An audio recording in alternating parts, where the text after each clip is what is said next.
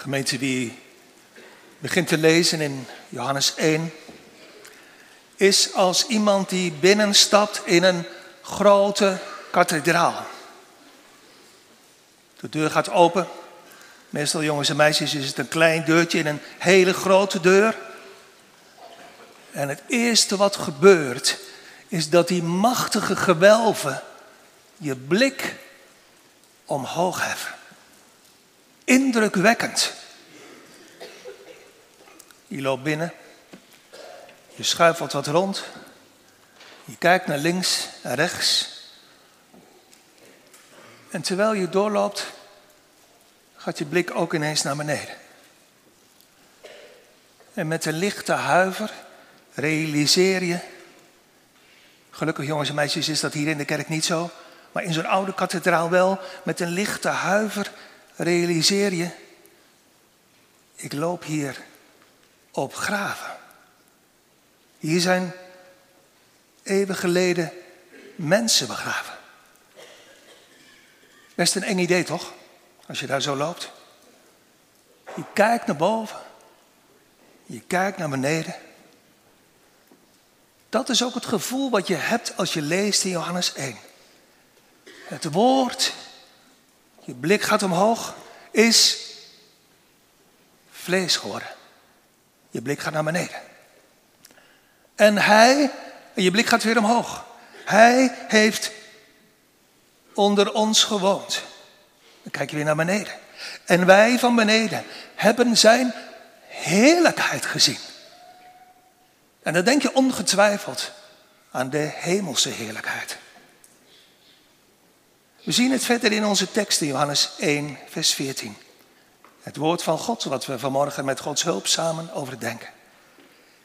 En het woord is vlees geworden en heeft onder ons gewoond. En we hebben zijn heerlijkheid aanschouwd, een heerlijkheid als des enige geborene van de Vader, vol van genade en waarheid. Het thema voor de preek is het vlees geworden, bedoeld is het mens geworden woord. Drie punten. In de eerste plaats zijn komst. Het woord is vlees geworden, zijn komst. In de tweede plaats zijn huis. En hij heeft onder ons gewoond. We hebben zijn heerlijkheid aanschouwd. Een heerlijkheid als van de enige geborene van de Vader. Zijn huis. En punt drie, zijn volheid.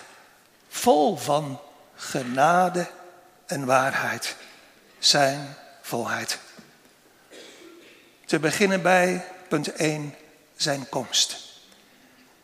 Het woord, jongens en meisjes, dat is de Heer Jezus. Het woord is vlees. Het woord is mens geworden. Het woord dat in de begin al was, hij was God. De Heer Jezus was en is God. Oneindig hoog, denk maar aan die gewelven van die kathedraal. Volmaakt in glorie en heerlijkheid.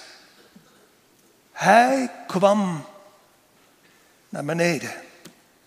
Hij kwam naar de doden. Denk maar aan die vloer van die kathedraal. Hij werd vlees. Een man van vlees en bloed. Een mens zoals jij en ik en wij. Een baby, jongens en meisjes. Kindje Jezus, een baby zoals een baby in de wieg. Maar dan in een kribbe. Zwak als wij. Zonder eten en drinken zou hij gestorven zijn. Soms was hij ook ziek, dan was hij moe, dan was hij verdrietig. Dan huilde hij. En toen hij een groot geworden was, een volwassen man, heeft hij tranen gehuild. Omdat de mensen zijn woorden niet geloofden. Het staat in vers 11. Hij is gekomen tot het zijne. De wereld was van hem. De mensen waren van hem. Wij, ik en jij, wij waren van hem. Maar wij hebben hem niet aangenomen. Niet geaccepteerd, niet verwelkomd, niet omhelst, niet in huis genomen. Je zegt jongens en meisjes, dat is erg. Dat is verschrikkelijk. Ja, dat klopt. Dat was trouwens al zo in het paradijs. En dat ging door tot de tijd van de Heer Jezus en het gaat door tot op de dag van vandaag toe. Hij kwam. Maar wij mensen zeiden nee, wij willen nu niet. De mensen hebben hem zelfs gekruisigd en geroepen, weg met hem. Hij wist het van tevoren toen hij kwam. Maar toch is hij gekomen. Het is duidelijk. De liefde kwam van één kant. En jongens en meisjes, het is nog steeds zo. Wij mensen zeggen nee. Ook wij, mensen van de kerk. Ook jij, ook ik, ook wij. Nee. U, mijn koning. Nee, ik wil gewoon zelf uitmaken wat ik doe. Ik wil eigen baas zijn en eigen baas blijven. U, mijn redder. Nee hoor. Ga zelf mijn leven wel verbeteren. Nee. Nee, dat was en dat is het antwoord van ons mensen op de komst van het woord. En toch, wat een wonder. Hier staat het, het woord is vlees, het woord is mens geworden. Het hield hem niet tegen. Hij is toch gekomen. Hij verliet de hemelse glorie, de heerlijkheid van het hemelhof, de liefde en de toegenegenheid van zijn vader en daalde af. Werd als een zwak, sterfelijk, stervend mens zoals wij. Als gras dat verdort, als een bloem die verwelkt. Het steeltje knakt. Het is voorbij. Hij werd mens. Maar wel op een bijzondere manier. Want hij bleef, jongens en meisjes, ondertussen wat hij was. Hij bleef de eeuwige God. En hij werd wel mens, maar anders dan wij. Zonder één enkele zonde. Paulus zegt buiten alle twijfel, de verborgenheid van de godzaligheid is groot. God is geopenbaard in het vlees. Diep, diep daalde hij af vanuit de hemelse heerlijkheid.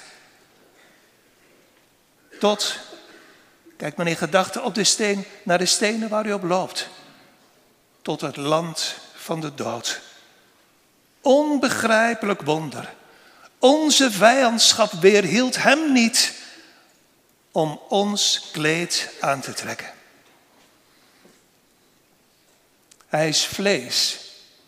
De Zoon van God, Jezus Christus, is mens geworden. Hoewel, ik zei het, zonder zonde. Wat kun je daar trouwens mee worstelen? Met dat, wat de Bijbel noemt, dat vlees. Met dat zondige vlees van jezelf. Als je ziet in je hart bijgelicht door Gods Heilige Geest, wat Paulus schrijft in de Romeinenbrief. Ik ben vleeselijk. Verkocht onder de zonde. Met andere woorden, zonde, dat ben ik zelf. En ook ik heb hem niet aangenomen. En ik voel het in mijn hart en ik zie het in mijn leven. Ook mijn vlees is onmachtig, is onwillig, is vijandig. En dat is mijn schuld. Ook ik ben onmachtig om hem aan te nemen, om hem te ontvangen. U zegt, we moeten toch. En als je dan in vers 12 gaat horen en gaat lezen over de mensen die hem aangenomen hebt. Je zegt, hoe komt het met mij ooit zover? Dat ik hem ook zal aannemen als mijn zaligmaker. Dat ik, denk maar terug aan de preek van vorige week, alles zal loslaten. Hem zal omhelzen. En zijn kind mag heten. Hebt u, geliefde gemeente, ook zo'n last van dat, wat de Bijbel noemt, dat vlees, van dat zondige, onwillige, vijandige, machteloze ik. Waarvan Paulus zegt de Romeinen 8 en die in het vlees zijn, kunnen God niet behagen. Hebt u, heb jij ook zo last van dat zondige vlees? Wat is het dan een troost dat hier staat, Hij, Hij is vlees geworden. Hij is gekomen in onze zwakheid. Hij is gekomen in ons vlees om met zijn kracht onze machteloosheid, onze zonde, onze vijandschap te overwinnen. Hij werd vlees. Sterfelijk vlees. En hij bleef vlees. Hij ging er zelfs mee de dood in, maar niet om te verliezen, maar juist om te overwinnen. Door een weg van lijden en sterven in Gethsemane en op Golgotha. En door een weg van opstaan heeft hij de dood overwonnen. En de duivel de kop vermozzeld. En daarom, lieve mensen, is er een weg. Omdat hij met zijn kracht kwam in de zwakheid van ons vlees. Hij zelf, Jezus Christus, is de weg voor zondaars. Voor zondaars in het bijzonder die niet meer weten hoe het moet. En die staan voor een muur van, van machteloosheid, van zonde, van onwil en van vijandschap. Johannes is inmiddels een oude man als hij zijn evangelie schrijft. En hij begint, denk even terug aan de kathedraal, hij begint hierboven in de hemel. Zijn blik gaat omhoog als hij schrijft het woord dat in het begin was. Was bij God, vers 1, en het was God. Hij was, vers 3 en 4, de schepper. Het leven en het licht der mensen. Zijn blik zakt naar beneden. En dat licht scheen in de duisternis. Maar de duisternis heeft het niet begrepen. Johannes de Doper, vers 6, heeft van hem getuigd. Hij was in de wereld. De wereld is door hem gemaakt, maar, en je hoort de vertwijfeling, de wereld heeft hem niet gekend. Hij kwam zelfs tot het zijne, vers 11. Maar de zijnen hebben hem niet aangenomen. En dan al schrijvend gaat zijn blik weer omhoog. Nu komen de feiten. Dat grote, onbegrijpelijke heilsfeit. Vers 14. Het eeuwige woord is vlees geworden. Later schrijft hij in zijn eerste brief. Het woord des levens. Het leven is geopenbaard. Hier op de aarde. Het heeft zich onthuld. Het is zichtbaar geworden. Hij, Jezus Christus, trad naar voren, kwam naar ons toe van boven naar beneden. Wonder, onbegrijpelijk wonder van Gods genade. Ongevraagd en ongewenst aan onze kant, maar toch kwam Hij naar ons toe. Verwonder u hierover, o hemel. En wees verbaasd, inwoners van de aarde, dat de Zoon van de Allerhoogste kwam in zulke diepe vernedering. Hij werd vlees.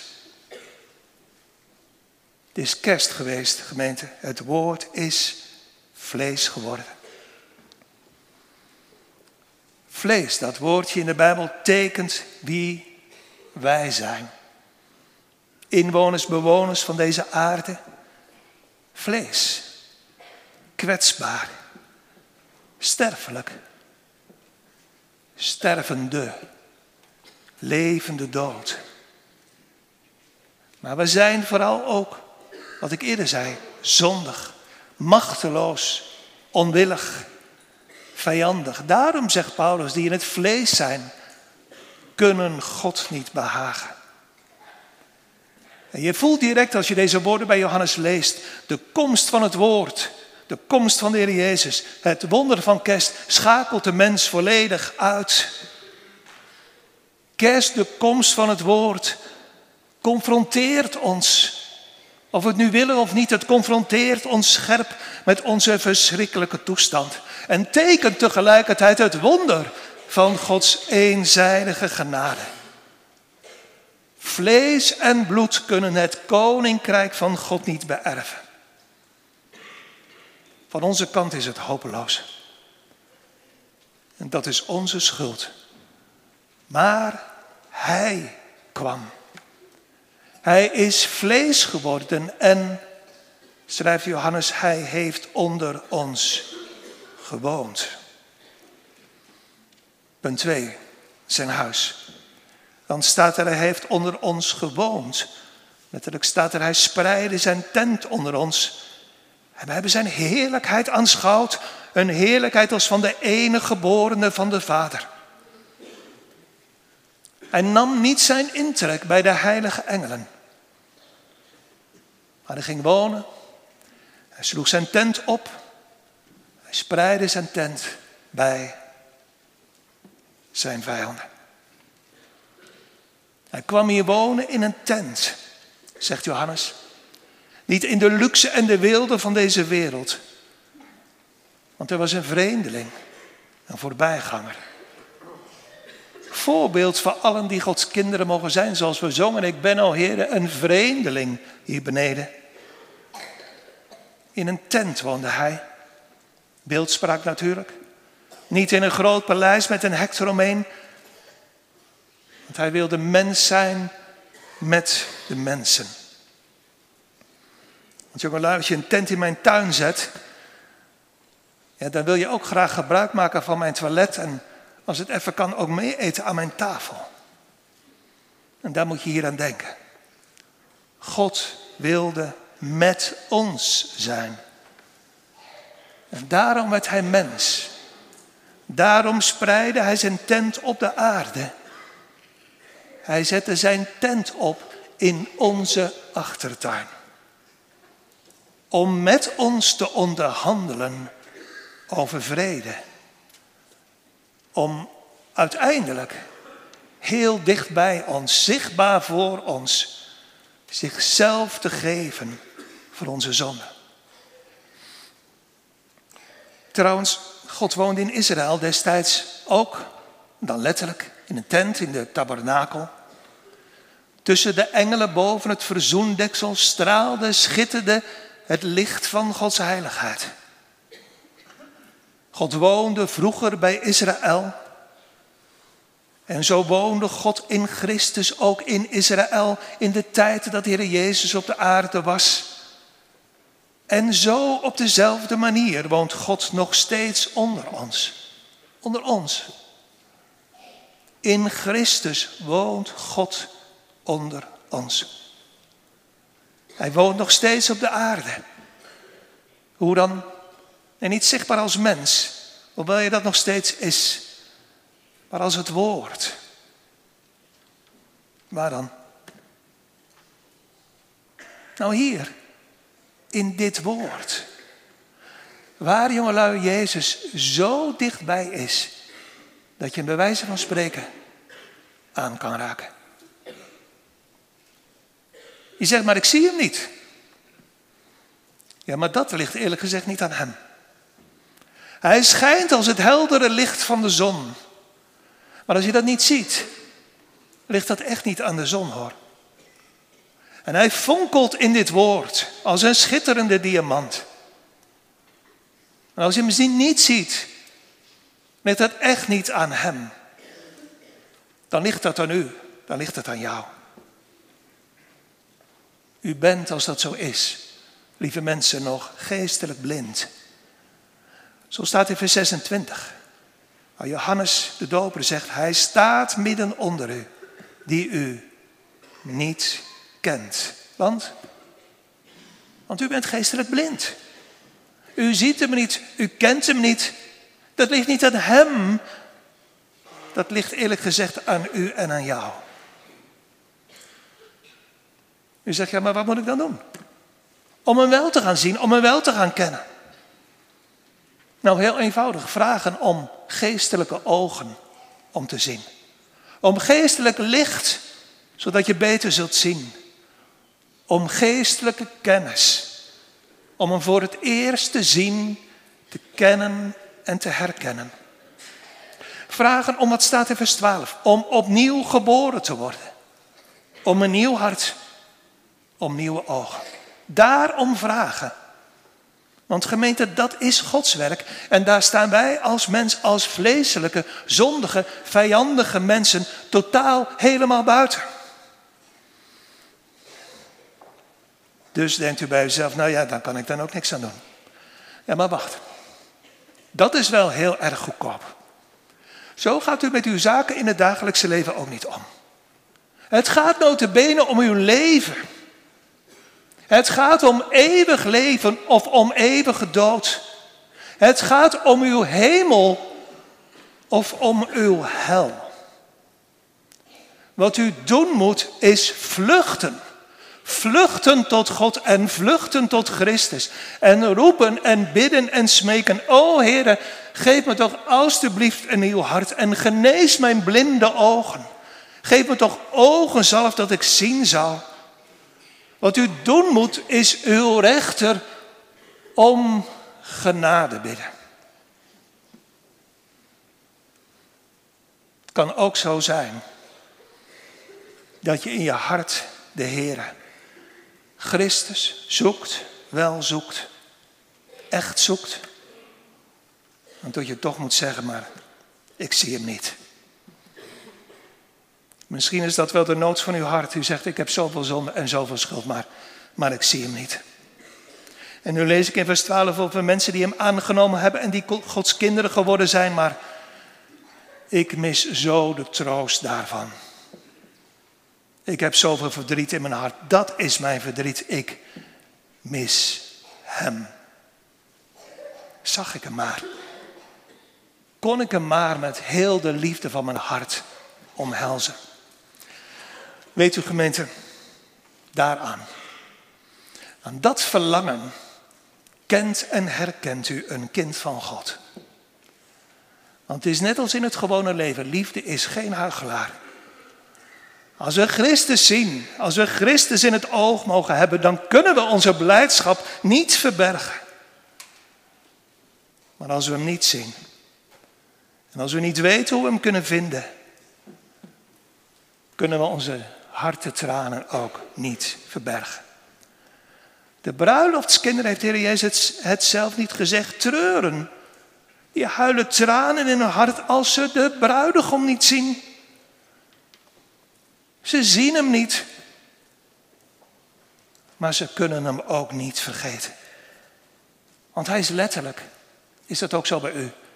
Hij is letterlijk alles voor ze. Johannes zegt, hij heeft onder ons gewoond. We hebben zijn heerlijkheid gezien.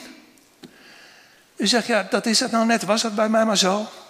Ik verlang er zo naar om hem te zien. Maar ik zie hem zo vaak niet. En hij is in zijn woord, maar dat woord van de Heer is voor mijn hart zo vaak gesloten. Het is waar. Christus woont onder ons.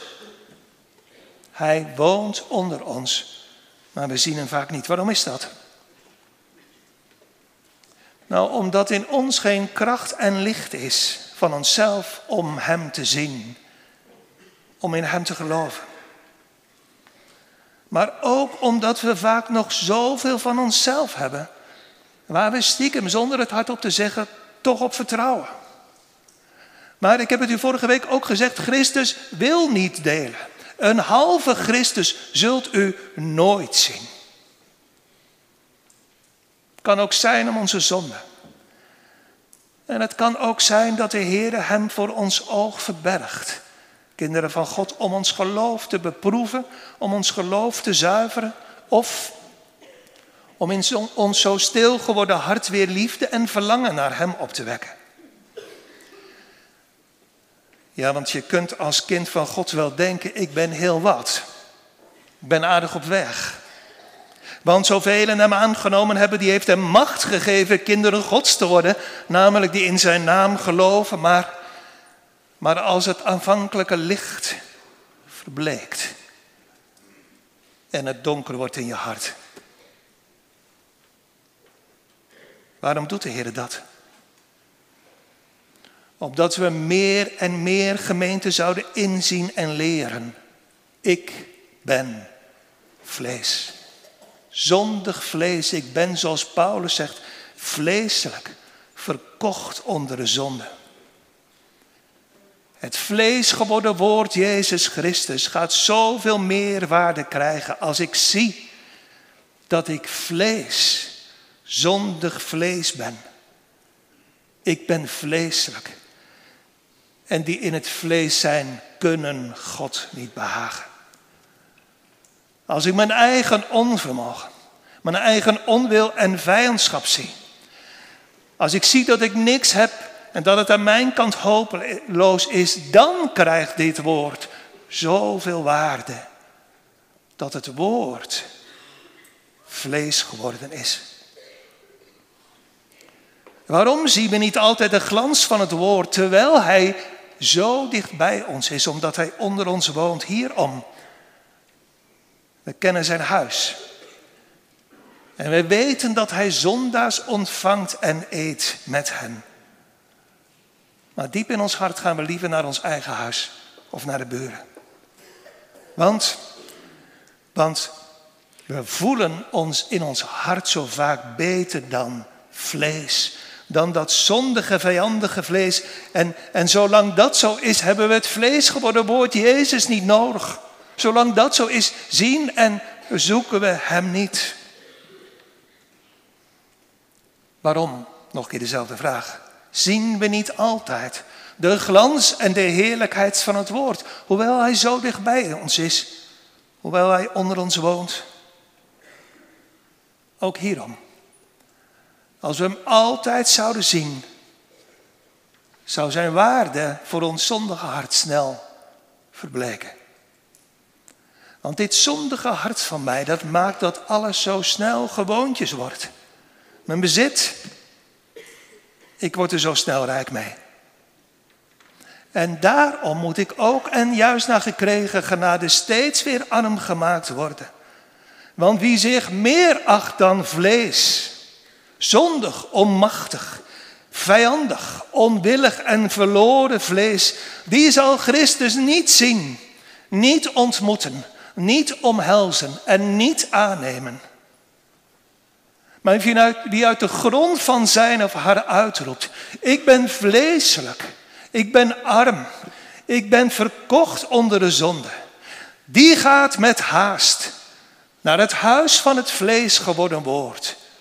Die komt met haast naar de kribbe, om daar als een verloren zondaar aan zijn voeten te bukken. En wie zo tot hem komt, schrijft Johannes later, zal hij geen zins uitwerpen.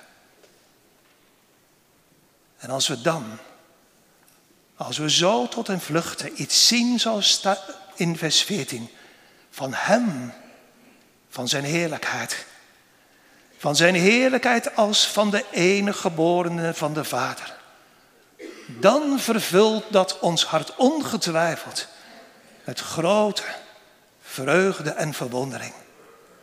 Johannes heeft het gezien. Hij is letterlijk ooggetuige geweest van de heerlijkheid van Christus. In, in zijn komen. In zijn vernedering. Als lam van God. Door God zelf gegeven. Dat is de heerlijkheid van Christus. Zijn diepe vernedering. Dat hij Immanuel heet. God met ons, van boven naar beneden. Het eeuwige woord, gemeente, is vlees geworden. Johannes schrijft, wij, alle oogtuigen, hebben zijn heerlijkheid aanschouwd. Letterlijk staat er zoiets als, we hebben heel bewust, we hebben heel goed gekeken. Daar hebben we moeite voor gedaan. En we hebben die heerlijkheid van Christus met verwondering gezien en overdacht. Zijn heerlijkheid. Dus de heerlijkheid van wie? De heerlijkheid van het woord. Dat, terug naar het begin van hoofdstuk 1, dat bij God was dat God was. Dus wat zegt Johannes eigenlijk? We zagen in Jezus de heerlijkheid van God zelf. Denk maar naar vers 18.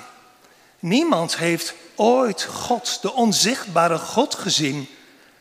Maar de enige geboren zoon die in de schoot van de Vader is, die heeft hem ons verklaard. Met andere woorden, de in zichzelf blijvend onzichtbare God onthulde zich, werd zichtbaar in zijn zoon Jezus Christus. Die zijn tent spreidde onder ons. Die hier is in zijn woord. Johannes zegt, wij alle ooggetuigen hebben zijn heerlijkheid aanschouwd. En gemeente, dat is nog zo. Als je als een arme zondaar bij hem gebracht wordt. Als het licht van het licht der wereld doorbreekt in je duistere ziel. En je ogen krijgt om hem te zien. Dan zie je ook in deze tijd vol verwondering in hem, in Jezus, iets van Gods heerlijkheid.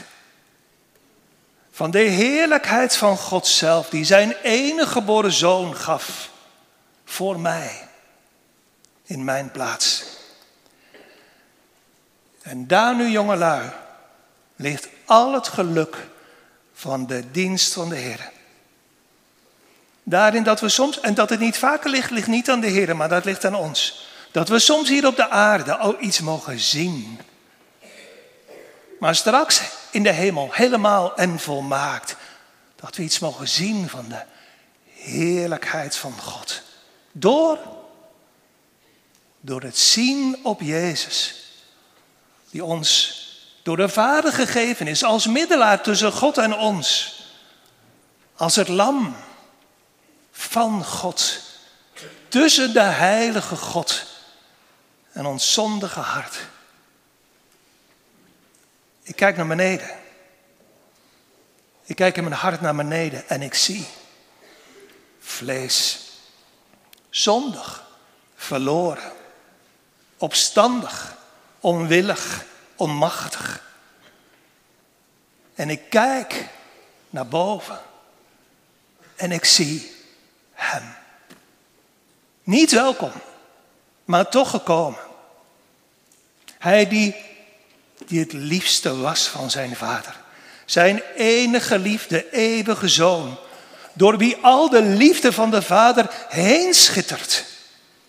De Heere vol van glorie, heerlijkheid en majesteit. Die zich in al de zondaarsliefde van zijn hart doodgeliefd heeft, letterlijk. Als lam. Als lam van God als Immanuel voor mij. En nu zegt hij vanmorgen, juist tegen die mensen die zo gebukt gaan en die zijn er, en die zo zuchten onder de last van hun zondige vlees. Luister, kijk nou toch goed. Om naar deze woorden van Johannes te spreken, aanschouw toch. Kijk toch, zie toch. Overdenk toch, bemediteer toch. Wat? Nu, wat dan? Mijn heerlijkheid. Welke heerlijkheid? Dat ik, God de Vader, mijn zoon gaf. En dat deed ik voor u. En dat hij vlees geworden is. En dat deed hij voor u. En God, de Heilige Geest, wil onze onwillige en onmachtige harten daarop richten. Op de voor het oog zichtbare Christus, die bij ons kwam wonen. En op de altijd blijvend onzichtbare God, die u in Hem nederig mag aanbidden. Kan je begrijpen, jongens en meisjes, dat het soms En misschien ben je daar wel verbaasd over dat het soms als het hier heilig avond is, dat je dan wel eens mensen ziet huilen. Van? Van geluk. Van blijdschap. Onbegrijpelijk. God gaf zijn lieve zoon. Voor mij. Voor mij. Ik ben, ik ben van mezelf zo slecht. Ik ben, zoals de Bijbel het noemt, zondig vlees. Ik ben zonde. En nu zegt de Heer. En dat laten we nog zien ook en proeven ook door de tekenen van brood en wijn. Ik heb mijn zoon gegeven voor u. Mijn zoon is vlees geworden. Mens geworden voor u. Dat is toch echt om van te huilen. Van geluk, van verwondering en van blijdschap. Dat, jongelui, is het leven met de Heer hier op de aarde. En de rest, alle narigheid, die komt van ons. Maar dit is van onze goede God. Dit is zijn goede dienst. Ja, en als we dat kwijtraken, dat kan je dan begrijpen. Dan zijn we verdrietig. Als we hem kwijtraken, als we hem uit het oog verliezen, dan tobben we. Daar moet je niet verbaasd over zijn. Want als je liefste weg is, kan je niet blij zijn, toch? Het bewijst hoe groot de liefde van de bruidegom is. Hoe groot de liefde van Christus is. Als we missen, zijn we alles kwijt. Maar nogmaals, jongelui, dat is het dienen van de Heer. Dat we door het geloof Hem zien. Jezus Christus, het lam, door God gegeven. En, en in Hem zien we wie God zelf is. God, onbegrijpelijk, met ons. God voor ons. Denk je nu onbekeerde jongeren, onbekeerde ouderen? Denk je nu ondertussen niet bij jezelf dat je veel mist?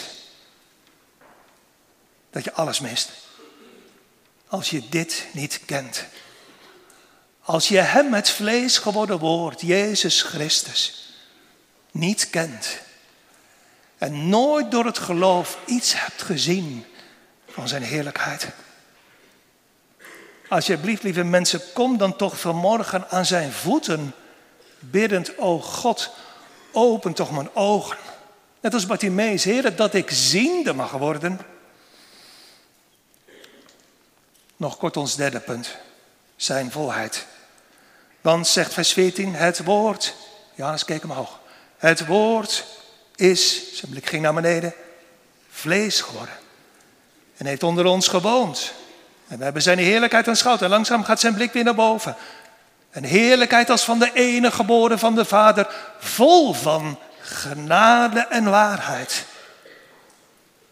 Vol van genade, de kanttekening van de Statenvertaling zegt, namelijk van de genade van de verlossing, van de vloek van de wet. En vol van waarheid, vol van de vervulling van Gods beloften en ook van de oud-testamentische ceremoniën en voorbeelden. Jezus is vol van genade en waarheid. Niet vol van genade en waarheid om je hoofd met de verstandelijke kennis daarvan te vullen, maar vol van genade en waarheid om die uit genade te geven. Zodat we die zouden ontvangen en zouden ervaren. Hij verlost ook mij uit genade van mijn hemelhoge schuld. En hij vervult ook voor mij de waarheid van zijn beloftewoord. Gemeente, wat past deze Jezus volmaakt bij arme zondaars? Volmaakt bij arme zondaars. Hij heeft echt alles. Van mensen die alles kwijt zijn. Hij heeft echt alles voor mensen die alleen maar schuld hebben. Hij heeft echt alles voor mensen die niet meer kunnen hopen op zichzelf. Maar alleen nog maar hopen op zijn onfeilbaar woord. Christus. En een arme, failliete zondaar. Dat past. weeg dan om met Jezaja te spreken. Geen geld en geen moeite meer uit voor dat wat geen brood is. Maar kom, kom, wees welkom bij het brood des levens. Want dit gemeente is het enige fundament waarop u rusten kan in leven en sterven. Christus wil niets van u, maar hij is van harte bereid om u alles te geven. Genade tot vergeving van uw zonde. Genade om uw schuld weg te nemen. Genade om uw geweten schoon te maken. Genade om u te helpen. Om u kracht te geven voor iedere dag. En om u te vullen met hoop en blijdschap en vreugde en vrede. Is dat niet de reden waarom hij zijn tent onder ons heeft opgeslagen? Kinderen van God, geliefde mede-christenen. Tot slot, vergeet niet. Onze lieve Heer en zaligmaker Jezus Christus wil ons zo graag zijn volheid, zijn heerlijkheid laten zien. De heerlijkheid van een volkomen zaligmaker die alles wil zijn voor onverbeterlijke zondaars. Daarom ook trouwens verbergt hij soms voor ons oog, voor ons hart, de glans van zijn liefde. Want liefde, dat is in het gewone leven ook zo, wordt verdiept in gemis. Verlangen wordt hevig in uitzien, in niets hebben. Laten we dan niet mopperen als het donker en duister is in ons leven. Het is de liefdehand van Christus die ons bewerkt. We worden als stenen pas klaargemaakt, gebikt en gebeiteld. Totdat we steeds meer al het overtollige, alles van onszelf kwijtraken. En dan is het goed. Dan zeggen we, bij mijzelf was het verloren. Als ik naar mezelf keek, was het buiten hoop. Ik was en ik ben vleeselijk, verkocht onder de zonde. Maar toen de Heilige Geest mijn blik richtte op Christus, toen zag ik Hem schoner dan wie dan ook van de mensen, vol van genade, overvloeiend voor de grootste van de zondaars. Tijden van vreugde en tijden van verdriet, kinderen van God geliefde mede-christenen in ons leven, wisselen elkaar af tijden dat we deze zalig maken. Door het geloof mogen zien, mogen aanschouwen zoals Johannes het zegt, onderzoekend. Met blijdschap en verwondering mogen we mediteren. En we zeggen in ons hart en we zeggen met onze mond, wat is Hij toch groot, genadig en goed. Wat schittert in Hem toch een volheid van genade en waarheid. Zijn volheid, de volheid van het woord, de volheid van de Vader. Voor mij. Maar er zijn tijden wisselen. Er zijn ook tijden niet waar dat wij missen. Tijden waarin we ook, en misschien wel meer dan ooit zeggen, juist in ons gemis, wat is Hij toch groot? Als Hij zich opnieuw aan mijn hart zou tonen als ik hem door het geloof opnieuw zou zien, dan, dan zou ik hem meer dan ooit lief hebben. En zo wisselen licht en donker elkaar af tot op de dag, zoals staat in Hooglied, dat de schaduwen vlieden, dat de schaduw wegvlucht. Dan laten we ons eigen ik, dan pas laten we ons zondige vlees hier achter zalige dag, dan zal Hij die onze oudste broeder is, onze druk verwisselen in geluk. Dan gaat het geloof over in echt zien, in het echt aanschouwen van Gods heerlijkheid. Zoals Paulus zegt in 1 Korinthe 13, vers 2. Hij zegt, wij zien nu door een spiegel. Door een spiegel in een duistere reden. Dus dus wat we zien klopt wel, maar het is alsof we iemand alleen nog maar in de spiegel zien en niet rechtstreeks. Maar dan, zegt Paulus, zullen we zien aangezicht tot aangezicht. Nu nog in een spiegel. Maar straks is dat voorbij. Onze lichte verdrukking gaat zeer haast voorbij. Dan zullen we de koning echt zien. Dan zullen we hem echt aanschouwen. Meer dan ooit met onuitsprekelijke verwondering. Eeuwige vreugde, dank en aanbidding. Christus, God met ons, die voor eeuwig voor ons al de volmaaktheden van de onzienlijke God weerkaatsen zal. En dan wordt voor altijd waar wat Johannes schrijft in Openbaring 21. En ik hoorde een stem uit de hemel zeggende, ziet de tabernakel, de tent van God is bij de mensen. En hij zal bij hen wonen en zij zullen zijn volk zijn. En God zelf zal bij hen en hun God zijn. Voor eeuwig en altijd. Immanuel, God met ons. Amen.